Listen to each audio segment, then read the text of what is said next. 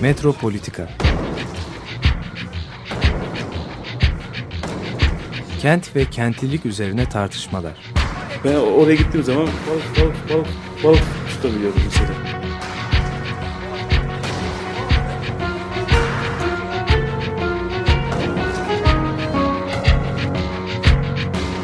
Hazırlayıp sunanlar Aysin Türkmen, Korhan Gümüş ve Murat Güvenç. Takusuyor ki. Kolay kolay boşaltamadı. Yani elektrikçiler terk etmedi Perşembe Pazarı merkezinde. Merhabalar değerli Açık Radyo dinleyicileri. Metropolitika'da Murat Güvenç ile birlikteyiz. Ben Evet. Korhan Gümüş. Bugün ikimiz yapıyoruz programı. Ee, gündemimiz biraz yüklü. Ee, araya bir de bayram tatili falan girdi. Biz tatil yapmadık ama e, gündem yüklü ve biz burada üç tane konu aslında işleyecektik. Yani birinci olarak bir kere deprem konusuna bir dönüp bakmamız gerekiyor tekrar dedik. E, afetin 20. yıl dönümünde. Sonra bu kamusal alanlarla ilgili İstanbul Büyükşehir Belediyesi'nin bazı tasarrufları oldu. Taksim Meydanı, Beyazıt Meydanı. Belki bunlara bir değinebiliriz diye düşündüm. Bir de İstanbul Bienali yakında açılacak. E, 14'ünde Eylül'ün. E, bu Bienalin mekanları arasında tersaneler vardı. Bir takım nedenlerle tersaneler şimdi bu Bienalin kapsamının dışına çıktı. Belki ona da bir e, referans yapabiliriz dedik. Ama patlatanak hafta başında bu kayyum meselesi gündeme geldi. Bizim programı da ilgilendiren bir konu. Ee, bu kayyumluk sistemi aslında kurumsal bir şey olarak gelişiyor gördüğümüz gibi. Artık seçimlerin ertesinde de yapabiliyorlar. Hani bir icraat olması ya da bir şeylerin değişmesi gerekmiyor. Sırasında, öncesinde. Hatta sonra- öncesinde de yapabilirler. Yani seçimleri iptal bile edebilirlerdi. Buna da yönelik işaretler çıkmıştı. Dolayısıyla yani bu kayyumluk sistemi aslında bir tehdit olarak bütün yerel yönetimlerin üstünde dolaşıyor. Bir hayalet gibi. Ve bu Türkiye'nin gelmiş olduğu rejim şeyini gösteriyor. Yani bu çok şey artık yerel seçimlerin de bir anlamının kalmayacağı bir noktaya gidebiliriz. Zaten bütçe olarak yani payları merkezi bütçeden alınan pay yüzde beş düşürülmüştü biliyorsun. Yüzde on beşten yüzde ona ve aynı zamanda da büyük şehirlerin yetki alanında olan birçok alan, birçok yer zaten merkezi yönetimin kontrolünde. Yani şu bizim İstanbul'un kıyılarına bakalım yani değil mi? Galata Port, işte Haliç tersaneleri, bütün bu alanlarda Bakırköy sahilleri, bütün endüstriyel alanlar bunlar şehre geri verileceğine tam tersine merkezi yönetim bunları kullanarak şehir ekonomisini güçlü bir şekilde kontrol ediyor. Yani ben havalimanı, köprü, üçüncü köprü falan projelerini saymıyorum. Hani eskiden o projeleri biz ulaşım projesi diye tartıştığımız zamanlara bence yanmamız lazım, üzülmemiz lazım. Çünkü biz o projeleri yıllarca bize ulaşım projeleri olarak tanıttılar. Değil mi?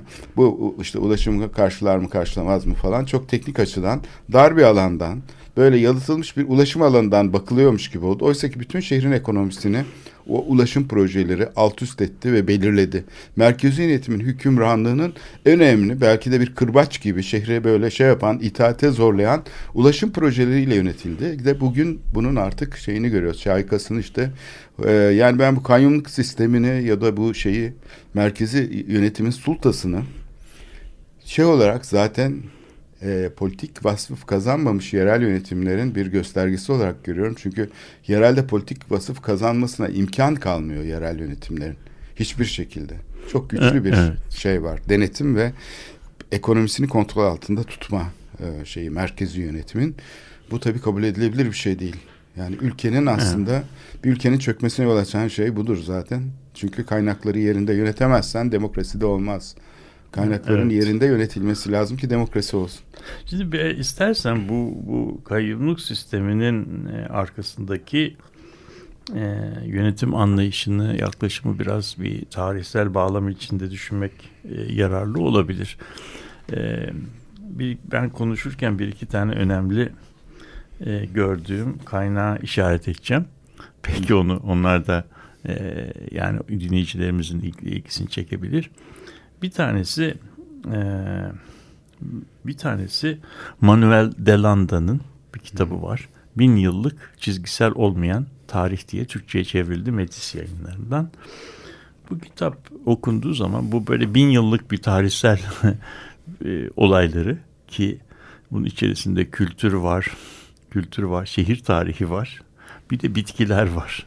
Bizim yediğimiz yani hem ekoloji tarafı var, hem kültür var, dil, hem de e, insanların e, şehir yönetimleriyle ilgili şeyler var. O e, bu kitabında çok ilginç bir bir yerinde, çok ortalarına doğru bir şeyden bahsediyor. Bu diyor Adriyatik'le şey arasında, Baltık arasında çizebileceğimiz bir hattın doğu tarafı ile batı tarafı arasında.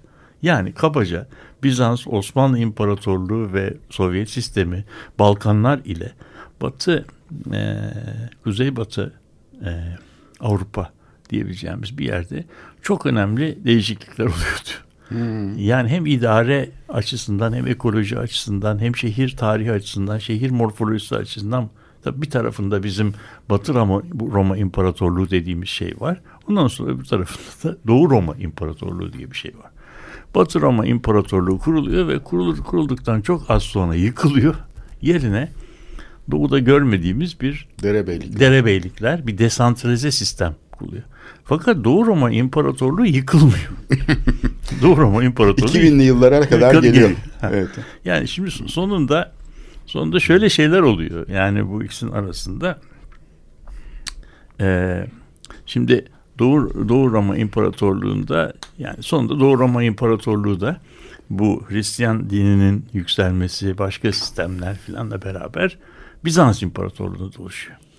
Bizans İmparatorluğu 1453'e kadar diyelim küçülerek şey yapıyor ve Bizans İmparatorluğu'nun güç yitirmesiyle Osmanlı İmparatorluğu'nun güç kazanması arasında doğrudan bir ilişki var. Onun birinin kaybettiğini öbürü kazanıyor. Ve Osmanlı İmparatorluğu genişliyor, genişliyor, genişliyor, genişliyor. Nereye kadar gidiyor? Tam bu sınıra kadar gidiyor. Bu sınırdan daha sonra ileriye gidemiyor. Şimdi bu bunun arkasında çok karmaşık tabii nedenler var. Orada orada da şey yapılıyor. Ama şey olarak, iktisat olarak, iktisat olarak e, yazar bize şundan bahsediyor. Bu diyor sınırın bir tarafında fiyatların pazarda oluştuğu bir iktisat vardı. Buna İngilizce'de price fixing market diyor. Burada fiyat pazarda oluşuyor. Kıtlık oluyor, darlık oluyor, bilmem ne oluyor fiyat pazarda. Biz doğu tarafında da diyor fixed price yani sabit fiyatlı pazarlar vardı. Bu durumda da pazardaki fiyatı bir kamusal otorite, merkezi otorite belirliyor. Yani bizim Osmanlı nar sistemi. Roma'da da var. Tabii. Yani her, Bizans'ta, Bizans'ta da, da var. Evet. evet. Bu bu esasen diyor bu iki yönetim e, anlayışı var. Tabii bu iki tane yönetim anlayışı sonunda bir tarafta çok zengin bir yerel kent dokusu şekillenirken bu desantralizasyonunda bizim Balkanlarda e, böyle baş şehirlerin önemli bölgesel merkezlerin bütün kırsal alanı bir vakum şeyi gibi bir elektrik süpürgesi gibi süpürdükleri merkezi otoriteler gelişiyor. Yani işte İstanbul, Sofya, Belgrad, e, bu da ama onun arasında bunu bunu en iyi bu söylediğim en iyi şekilde Avrupa'nın gece ışıklarını gösteren resimlerde, fotoğraflarda görebiliyoruz. Yani Avrupa'da genelinde çok küçük e, yerleşmelerin böyle ışıklarının oluşturduğu şöyle par parlak alanlar var. Halbuki Doğu Avrupa'ya geçtiğimiz zaman bu baş şehirleri görüyoruz ama onun arasında kocaman kara kara e, lekeler var. Bu tabii bu tarihsel şeyi uzatmak istemiyorum ama ne demek istediğim herhalde anlaşılıyor. Bu böyle bizim bu vesayet merkezi e, yönetim meselesinin ne kadar e, tarihsel köklerinin derinlere gittiğini ve böyle bizim artık bir yönetim tırnak içinde eğer öyle bir şey varsa kültür geleneğimizin içerisinde yer ettiğine dair bir e, şeyi var. Bu merkezilik yani o kadar e, bu bu ekolojinin e, parçalarından bir tanesi o şey. Şimdi bu değişmez e, değil, değil ama. Değişmez olur Çünkü mu? Değişmez. Yani antik ben, dönemdeki Helen şehirlerine tabii, baktığımızda tabii, tabii. tabii. Yani değişmez olduğunu söylemedim de yani evet. bunun bunun evet. böyle bir derin bir şeyi var, bir bir şey var. Şimdi burada burada merkezi yönetimle yerel yönetim arasındaki ilişkilere de baktığımız zaman bu bizim vesayet işte şeyin merkezi yönetimin şey yaptı. Bu konuda tabii değerlendirmelerin e, biraz böyle ihtiyati kayıtlar taşıması yararlı olabilir. Yani merkezi yerel yönetimler kuramında merkez, merkezi yönetimin şeyinin e, denetiminin şeyinin sıfır olması her bütün yetkilerin yerel yönetime e, verilmesi halinde merkezi yönetimin aslında e, böyle bir kendi e, gücünün iktidarının gölgesine dönüşeceği düşünülebilir. Tersine tersine bütün e, yetkilerin merkezde toplatılması toplanması halinde de e, işte o zaman yerel yönetimden bahsetmenin de bir anlamının kalmadığı söylenebilir. Bu bu ikisinin arasında, bu ikisinin arasındaki ilişkilere baktığımız zaman bu sefer demin Doğu ve Batı arasında e, söylediğim e, ilişkiyi bu sefer yerel yönetim kuramcıları Kuzey Avrupa ile Güney Avrupa arasında bakıyorlar. Yani Avrupa'nın kuzeyi ile güneyi arasında şey yapıyorlar. Burada baktıkları zaman da görüyorlar, görüyorlar ki Kuzey Avrupa'daki yerel yönetimlerle merkezi yönetimler arasındaki ilişkide yerel yönetimler çok daha güçlü. Yani Hollanda'dan bahsediyoruz, e, Danimarka'dan, Norveç'ten, İskandinav memleketlerinden. Güneye doğru inildiği zaman merkezi e, şeylerin, otoritelerin, Fransa, İtalya, İspanya gibi yerlerin gücü artıyor. Bu, bu yerel yönetimlerin ise güçleri e, az, azalıyor. Burada e, marifet güneyde, Avrupa'nın e, güneyinde iş yapmak için e, merkezi yönetimle uyum içinde olmak gerekiyor. Evet. Kuzeyde ise yerel yönetimler o kadar güçlü ki e, merkezi yönetimler yerel yönetimlerin bu sivil e, şeylerini, güçlerini dikkate alarak onlar kendi nasıl diyelim e, iktidarların sınırlarını kendileri e, sınırlama ve bu yerel yönetim işine çok da fazla e, bulaşmama e, yolunu seçiyorlar. Bu, bu tabii siyasi olarak çok uzun, çok derin e, şeyleri var.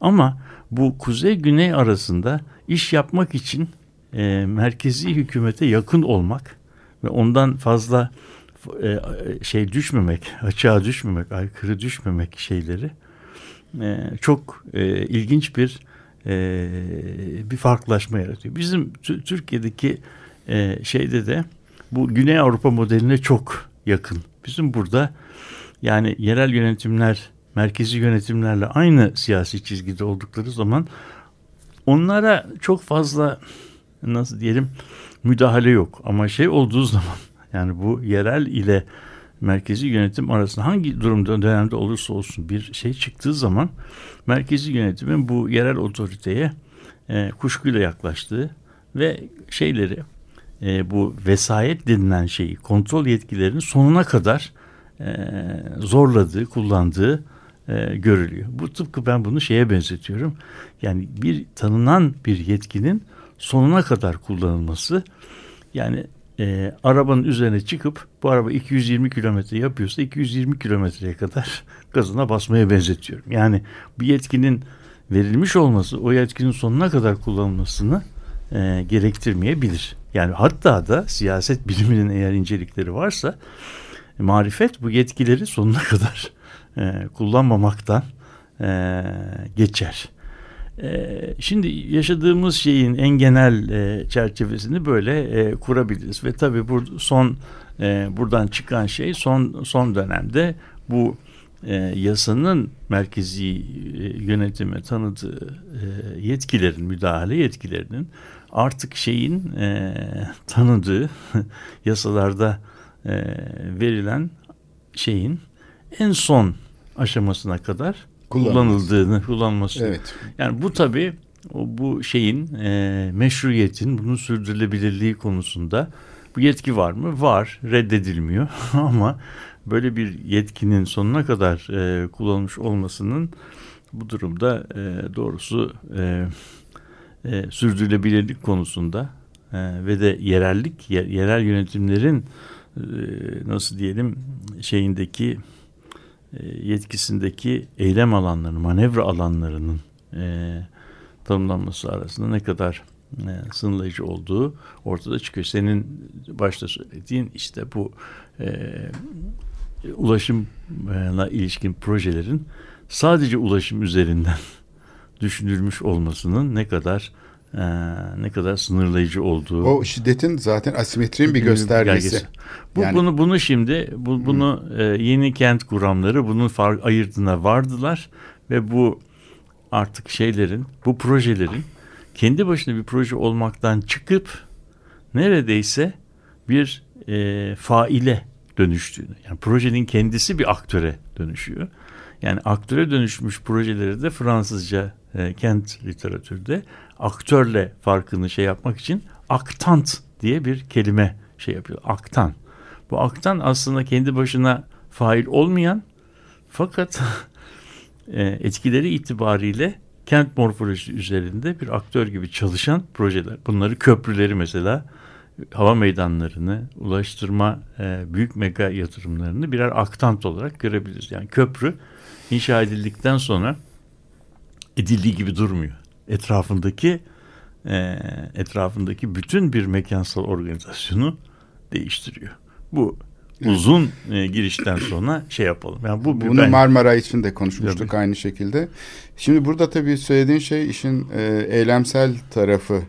E, çünkü biz bunları yani fikir düzeyinde algılıyoruz. Yani bu yalıtılmış e, yönetim alanı teknik işleri ayırırken bir kere yönetim fikrini diğer taraftan da böyle bir ideolojik bir şey yaratıyor. Çekirdek merkezi yönetim burada üfürüyor. Yani istediği gibi ona alan serbest. Yerel yöneticiler ise ne kadar dikkatli davranırlarsa davransınlar ellerinden yani boyunları kıldan ince. Şimdi böyle bakınca çok ciddi bir asimetri yani ideolojik planda da bir asimetri var. Doğru. Yani kalkıp da bir yerel yönetici siyasi planda ben senden farklı düşünüyorum diyemiyor milli meselelerde. Fakat asıl burada görülmeyen bir şey var. Devletin içindeki toplumsal tabakalar aslında yerele bu koruma kalkanı altında nüfus edip kentsel ranttan pay alıyorlar. Yani burada bir takım toplumsal tabakalar var ya da devlet sınıfları var. Bunlar aslında bu şiddetten beslenerek güçleniyorlar, semiriyorlar. O yüzden biz şey gibi zannediyoruz. İşte yok burada efendim şey vali efendi işte biraz şey yaptı. Ee, e, kayyım olduktan sonra işte salonunu yeniden düzenledi. İşte e, temsil masrafları arttı falan zannediyoruz. Aslında öyle değil. Orada bir paylaşım mücadelesi var ve e, bunu yani devlet kurumlarında çalışanlar çok iyi bilir. Devlet de böyle homojen bir şey değil yani onların içinde de bir Özellikler yarışma var. var, rekabet var falan. Özellikler bu, var. Tabii o yüzden bu ideoloji meselesi çok son derece maddi ekonomik şeylere aynı zamanda dayanıyor. Evet, burada belki eklemem gereken küçük bir şey de var. O da bu e, ya bu ortamda bu ortamda e, bu bu bağlam yani bu atamalar gücün yetki üzerinden şey yapılması e, yerel yerel yönetim şehir şehir problematiğini çok böyle usulî prosedürel e, terimler üzerinden düşünme, düşünülmesini ve farklı boyutlarının değerlendirme dışı kalmasına yol açıyor. Yani e, sonunda bunu yapmaya yetkileri var mıydı, yok muydu? Bu yetki hangi kanun, hangi maddesinde vardı? Bu e, ne kadar meşrudur, ne kadar yasaldır? Problem hep bu terimleri üzerinden e, düşünülüyor. Ama değerlendirme dışı kalan şey şu. Yönetimde bu problemler usulü bir şekilde halledilmiş olsa yani bu e, nasıl diyeyim kayyum atamaları olmamış olsa yerel yönetimlerde bizim nasıl davranmamız, nasıl yaklaşmamız, yerel sorunları nasıl dikkate almamız konusundaki e, şey boyut gündemin hep alt sıralarında düşüyor ve hiç tartışma konusu olmuyor. Sanki yani bu problem çözülmüş olsa, bu yönetsel problem çözülmüş olsa her şey güllük gülistanlık olacakmış gibi bir doğrusu bir izlenim oluyor. O, o da o da eee, o da problemin çok aşı, aşırı basitleştirmesi anlamına geliyor ki eee, bu e, şey e, bu idari problemleri çözdüğümüzde evet bir takım rahatlamalar olacak ama bu rahatlamanın kendisi çözümün çözüm için bir fırsat yaratacak. Çözümün kendisi değil. Çözümü bizim bulmamız gerekiyor. Evet. O, o çözüm de aşikar değil yani.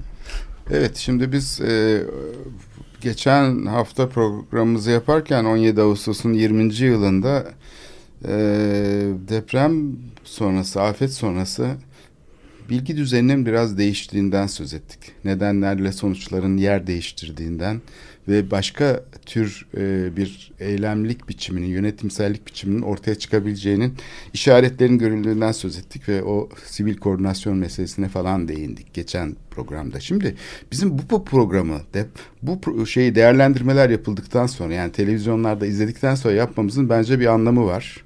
Programı da aslında böyle açacaktık değil mi? Ee, bu kayyum meselesi olmasaydı. Şimdi burada yani dikkatimizi çeken bir özellik var her 17 Ağustos'tan sonra bir anma şeyi olduğu zaman televizyon kanallarında depremin bir doğa olayı olarak tanımı yapılıyor. Fay hatları üzerine konuşuluyor mesela. Şehrin şehirlerin risk haritası, zemin koşulları falan diye değerlendiriliyor. Böyle bir e, şey e, gerçekleşiyor. Burada muazzam bir şey var. Yani gerçekten e, aydınlatılmış bir alan var. Ancak konu şehirleri e, yapıları afetlere karşı nasıl dayanıklı hale getireceğiz? Nasıl planlanacağız? Nasıl yöneteceğiz? Ne gibi yöntemler kullanılması gerekir? Bu çalışmalarda sanki bir karanlıkta kalan bir şey var. Yani bu konular hiçbir zaman gündeme gelmiyor. Mesela kurtarma e, şeyleri falan, acil kurtarma çalışmaları falan bunlar gündeme geliyor ki onlar da iyi örgütlenemiyor zaten sosyal boyutu olduğu için. Ama hiçbir zaman biz depremin boyutları, zamanları, fay hatları, kırılma yerleri, felaketlerin sonuçları gibi çok değerli bilgilere sahip oluyoruz. Bu bilgiler gözümüzü böyle kör edecek şekilde bizi aydınlatıyor. Buna karşılık bu ışığın bir, bir altında eylem planı. eylem planı. Bunun için yapılması gerekenler karanlıkta kalıyor. Bu ışığın aydınlattığı şeyde karanlıkta kalan bir şeyler olduğunu bilmiyorum. Senin dikkatini çekiyor mu? Ben evet. yani bunu bir şeyleri gösterirken bir şeyleri göstermeme meselesinin çok önemli olduğunu düşünüyorum. Evet burada tabii e, geçen e, dündü zannediyorum e, Güven Güzeldere'nin e, Salı günleri oluyor. Salı, Salı günleri sabahları oluyor. Açık, açık bilinç programında evet. bu e, depremle ilgili programda e, bence bu senin sorduğun sorunun e, cevabını da içinde e, barındıran nefis bir e, sunum dinledik. Maalesef şimdi yaşta ilerledi konuşmacının adını hatırlayamıyorum ama Teknik Üniversiteden bir e, deprem uzmanı arkadaşımızdı. İsmini, jeofizik, evet. yani ilk ilk fırsatta evet. ismini de burada söyleyelim. Yani benim açımdan çok çok hı hı. değerli bir e, sunuştu. O, hem programcıya hem de açık e, yani bu açık bilinç programının yani bu konuda e, e, çok çok e, şey yani önemli bir program olduğunu düşünüyorum. İlk fırsatta programın tekrarlanmasını bir vesileyle öneririm. o programda dinlediğimiz şeylerde en sonunda gelinen seni bu sorduğun soruya nefis bir pratik çözüm var idi.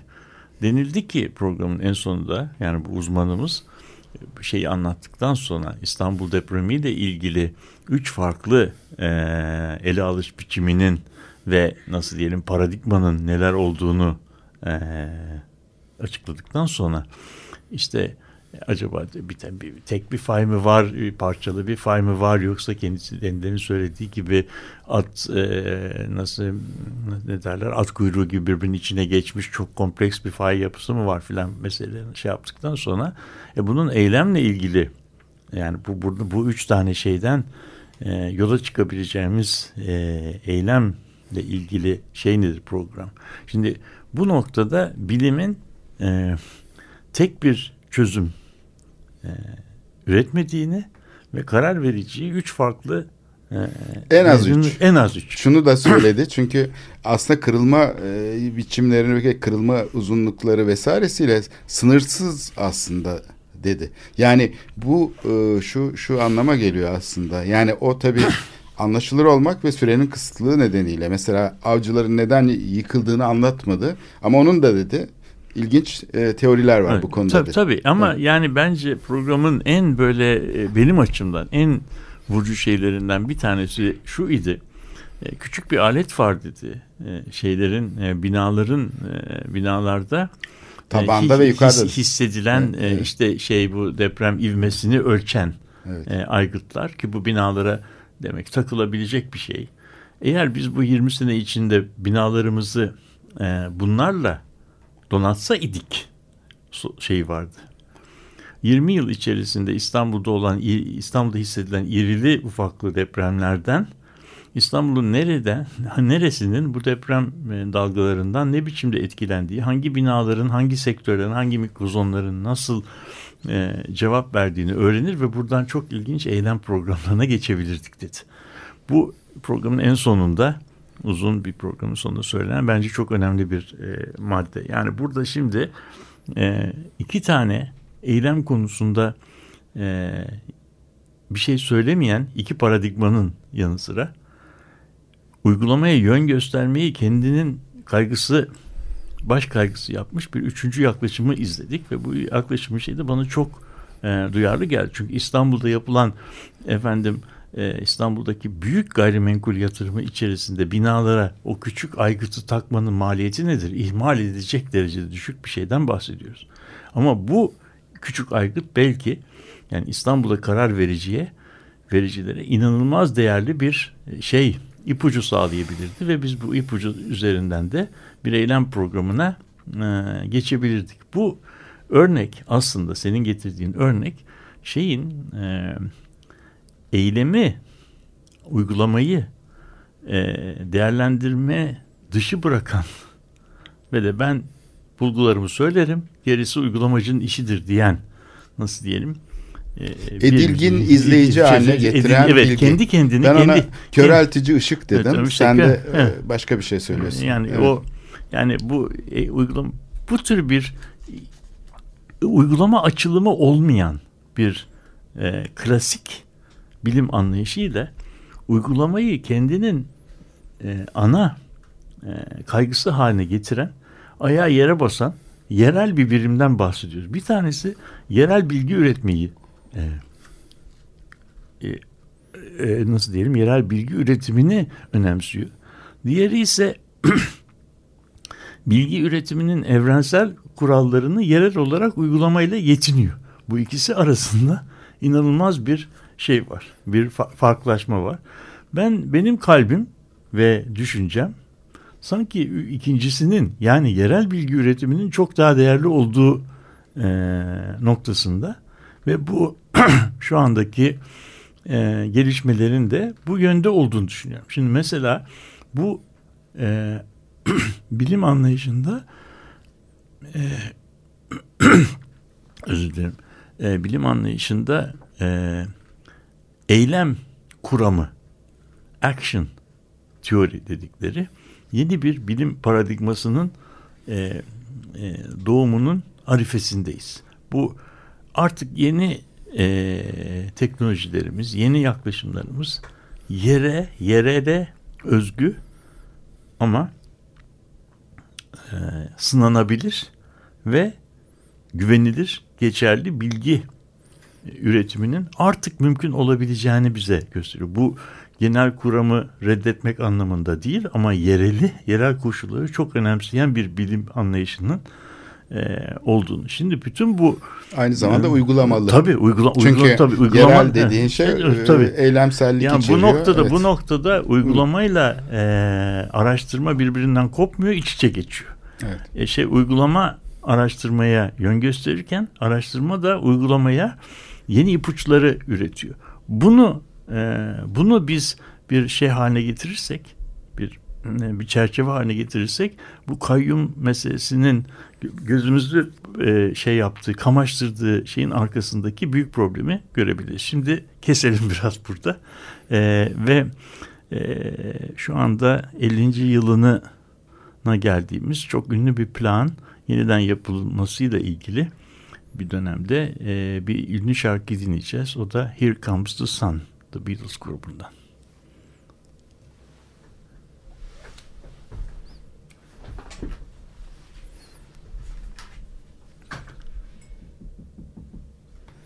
Evet, e, parçayı beklerken bir arada da şey yapalım.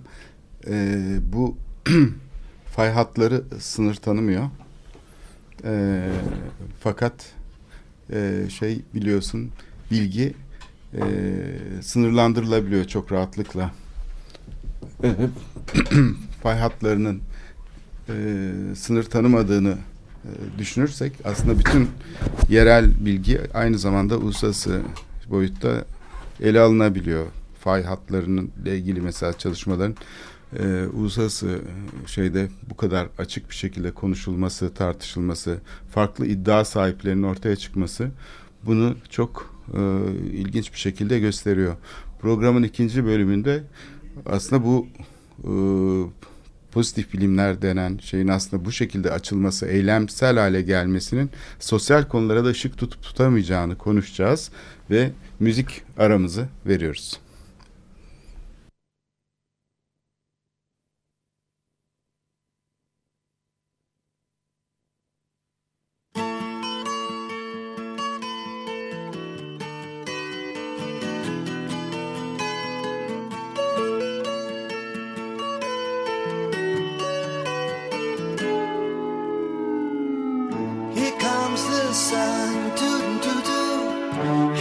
comes the sun, and I say, it's alright.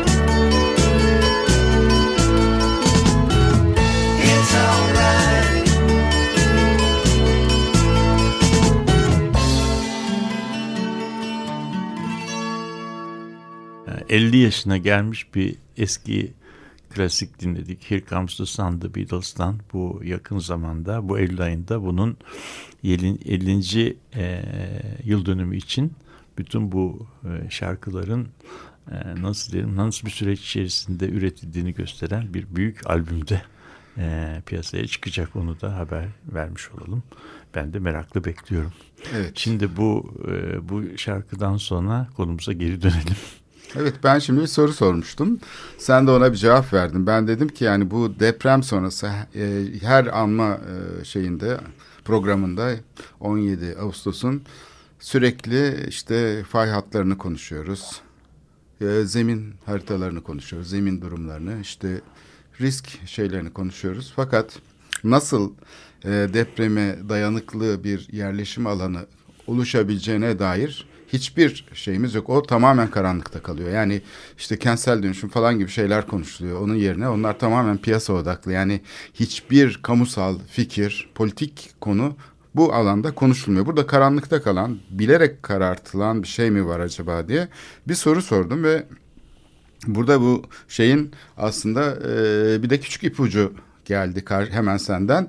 Dedin ki yani bu açık sistemleri sağlayan bilimin kendisi doğası açıktır ve işte buna örnek olarak da salı sabahı e, Güven Güzeldere ile Ömer Madra'nın yapmış olduğu programdaki e, şeydi değerlendirmeydi. Yani üç, bir üç, üç fizik, paradigma. Üç paradigma. Evet, fizik bilimler alanının nasıl açık olabileceğini gösteren bir konuşmaydı bu. Yani kapalı bir sistem değil. Orada da nasıl deneysellik, keşifçilik olduğunu göster. Ben şimdi ilk önce bu hani aydınlık ve karanlık ilişkisine böyle bir e, kabaca yaparken bu söylediğinle ben şunu şu yorum getirdim. Fay hatları sınır tanımıyor.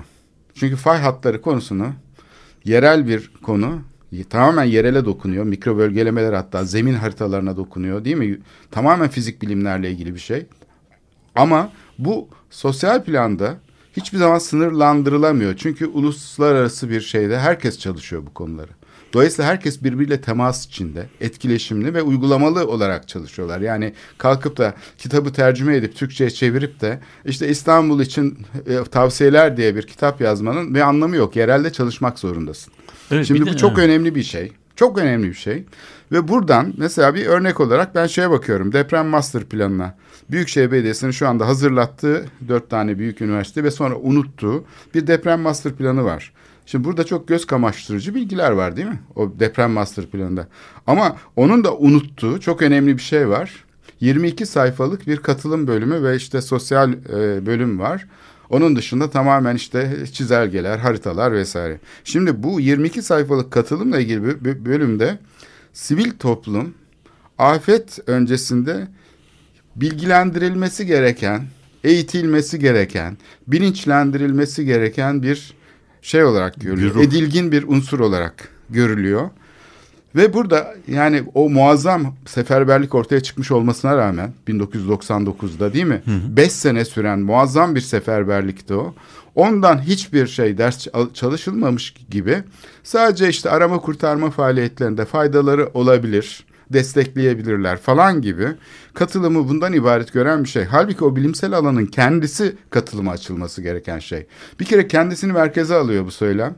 Merkeze kendini yerleştiriyor bir kere her şeyden o soru. Ondan sonra katılım deyince de hani siz bana görüşlerinizi iletebilirsiniz. Oysa ki bilginin tersi, kendisi farklı iddialar içeren, farklı araştırma şeyleri içeren, e, yaklaşımları içeren bir şeydir. Dolayısıyla bu açıdan da hem evrenseldir hem de yerel şeyde de uygulama olarak yerel dokunması gereken bir şeydir. Öyle sadece tercüme eserle yapılmaz. Şimdi burada mesela deprem master planını analiz ettiğimizde işte bu aydınlatılmış alanla karanlıkta kalan ara, e, alan arasındaki çelişkinin aslında şeyden kaynaklandığı gözüküyor. Biz tabii ortaya çıkan ürüne bakıyoruz. Aslında o ürün hangi toprakta yetişiyor? Toprak. Hangi humuslu toprak? Yani bu şey bilgi nasıl bir yerde kök salıyor? İşte bu şeyin e, planlama süreçlerinin özellikle şehircilik deneyimlerinde planlama süreçlerinin açık sistemler olması bu açıdan çok çok önemli. Aynı fizik bilimlerde nasıl kapatamıyorsak alanı, fay hatlarını kimse her burası benim özel alanım, burasını ben çalışırım, kimse başkası çalışamaz diyemiyorsak şehir planlama konusunda da alternatifli ve açık bir sisteme geçmek zorundayız. Bu kadar basit aslında. İşte bunu bunu demin e, uygulamayla uygulamayla e, araştırmayı birbirinden ayırmayan iki e, bir birleşik sistemin kurulmasının kaçınılmaz olarak katıl, katılımcı e, olması gerektiğini yani bunun başka türlüsü olamaz yani. Bu ise bizim düşünce sistemlerimizde ve bilime yaklaşımımızda bilimsel üretimin değerlendirmesinde zihnimizde çok önemli bir devrim yapmamız gerektiğini düşündürüyor. Bilimin kendi kendisini de sorgulayabilir hale gelmesi çok önemli. Dikkat ederseniz bilim e, yani çok çok uzun zamandır 20. yüzyılın neredeyse tamamında işte e, tek doğru yani en hakiki ve böyle tek doğru olduğu zaman da alternatifsiz doğru. O zaman bilim bilimi yapan insanlar e, yerleşik paradigmayı uyguladıkları zaman e, dile getirdiklerinin alternatifinin olmadığını yani en hakik en derin hakikati söyledikleri izlenimine e, kapılıyorlar. Ama çoğu kez senin de söylediğin gibi yani çok gözle görülür e, fiziksel bulgulardan hareket etsek bile ki Marmara e, Denizi'ndeki fay hatları bunun bir şeyi. Yani bir şekilde bu ölçülebilir. Ama aynı şey, aynı veri sistemi o programda da gördük ki geçen gün üç farklı teoriye, üç farklı teoride birbirinden farklı e, eylem pro- programlarına yol açıyor. Bunun getirdiği belirsizlik aslında işte siyaset bilimcileri ama siz bana kesin bir şey söyleyemiyorsunuz e, şeyine sığmalarına imkan veriyor. Kaldı ki şehirdeki pek çok olayda e, sınanması, yanlışlanması laboratuvar bilimlerindeki kadar kolay olmayan bilgiler.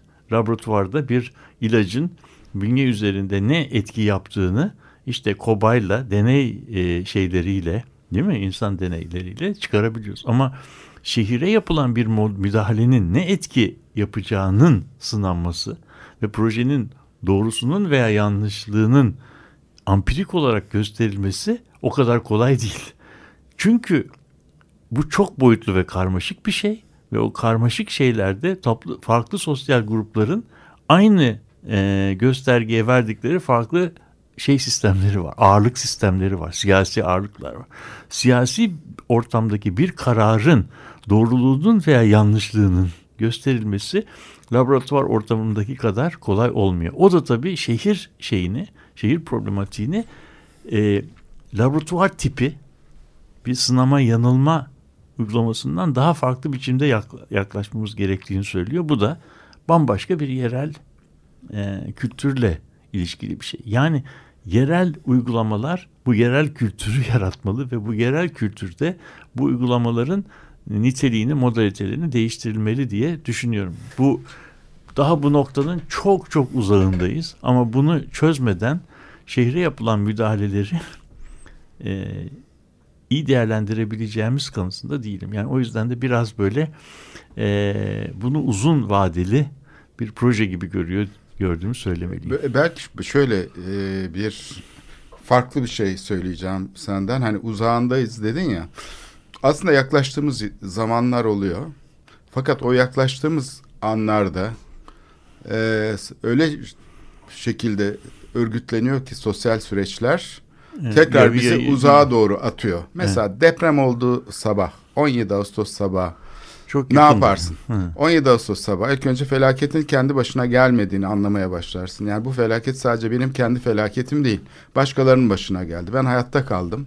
Ben hayatta kaldığıma göre demek ki başkaları bundan onu anlamaya çalışırsın. Bir büyük bir acı çekiyorlar, büyük bir felaket oldu. O zaman bu travmadan sonra, travma atlatıldıktan sonra nasıl işe yarayabilirim diye düşünürsün.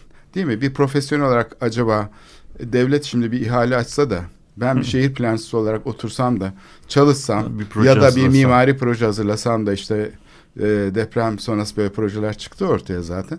Hani öyle bir şey beklemezsin yani hemen harekete geçersin. O, o anda irrelevant yani bu. Burada bildiğimiz kamusal süreçlere katılım biçimi Tam köklü değil, bir şekilde, değişim. radikal bir şekilde, değişim. hiçbir şekilde şey yapılmadan anında değişikliğe uğruyor. Hatta devlet olağan refleksiyle deprem çalışmaları başladıktan sonra biliyorsun yani sivil koordinasyon ve şey eşliğinde bütün şey ele geçirildi. Yani bütün haberleşme sistemi sivillerin eline geçti.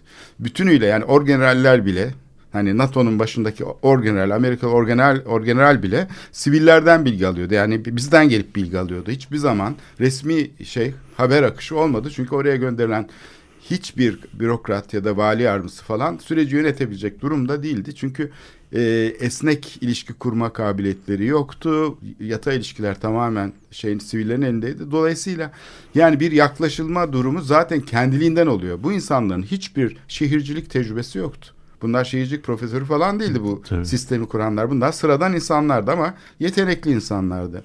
Ve bir de duyarlı insanlardı. Yani ben şimdi tatile gideceğim e, biraz uzaklaşayım falan demek yerine ha öyle diyen mesela arkadaşlarımız vardı.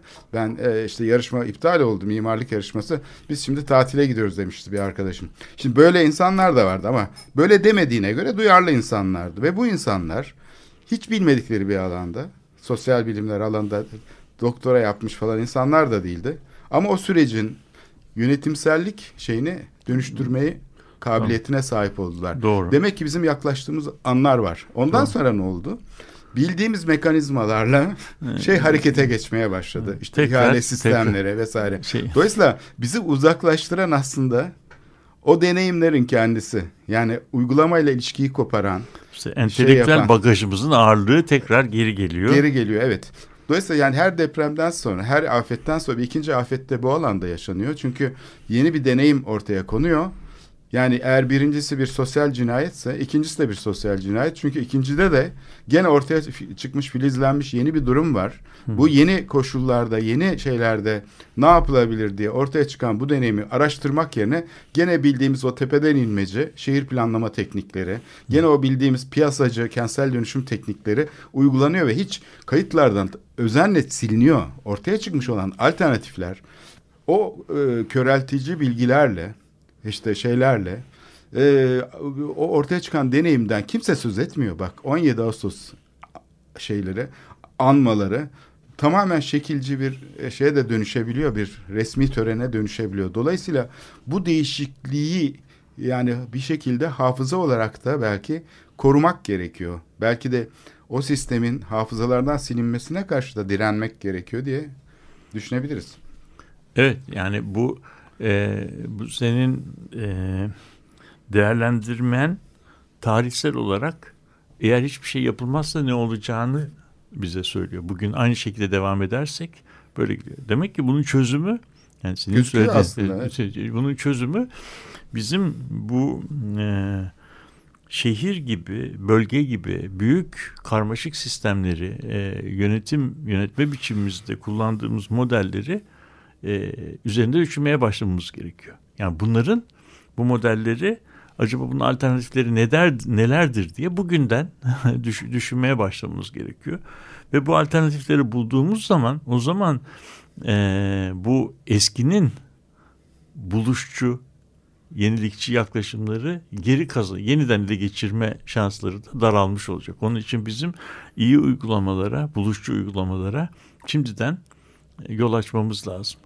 Ne yazık ki, ne yazık ki enerjimizi bu tür uygulamalar üzerinde düşünce üretmek, bunları tartışmak, alternatiflerin ne olacağı konusunda düşünmek yerine tümüyle bu sefer e, idari ve hukuki şeylerin yani kayyum meselesi gibi e, meselelerde şey yapıyoruz, bir e, tüketiyoruz.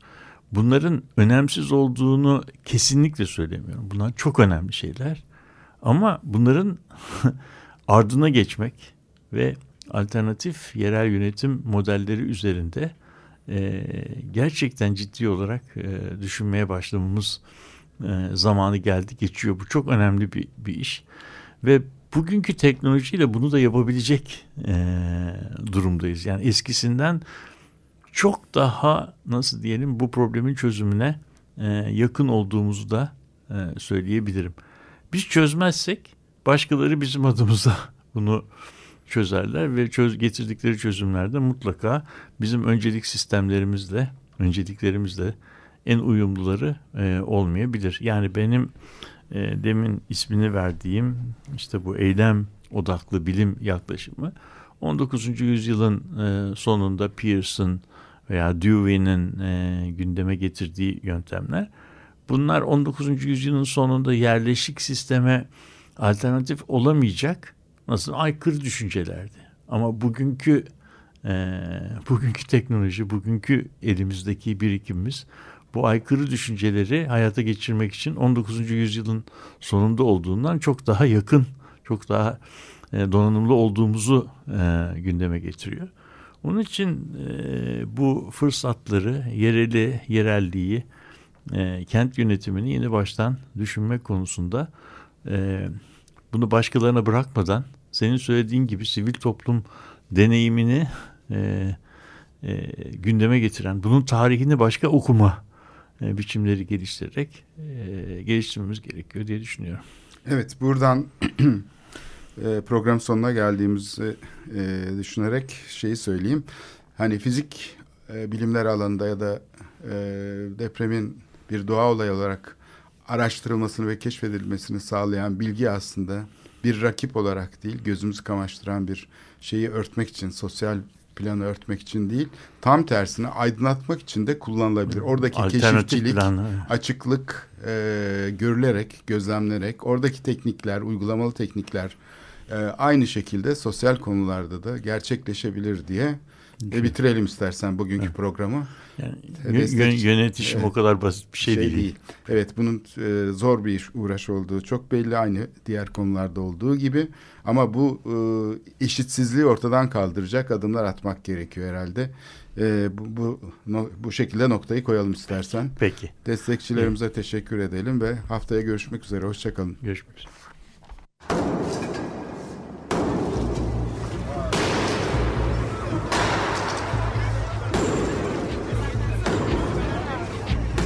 Metropolitika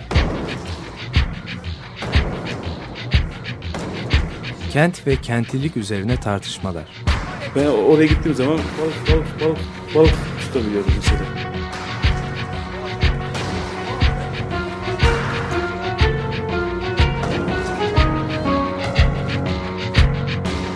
Hazırlayıp sunanlar Aysin Türkmen, Korhan Gümüş ve Murat Güvenç. Takusu yok yani. Kolay kolay boşaltamadı. Yani elektrikçiler terk etmedi Perşembe Pazarı merkezini. Açık Radyo program destekçisi olun. Bir veya daha fazla programa destek olmak için 212 alan koduyla 343 41 41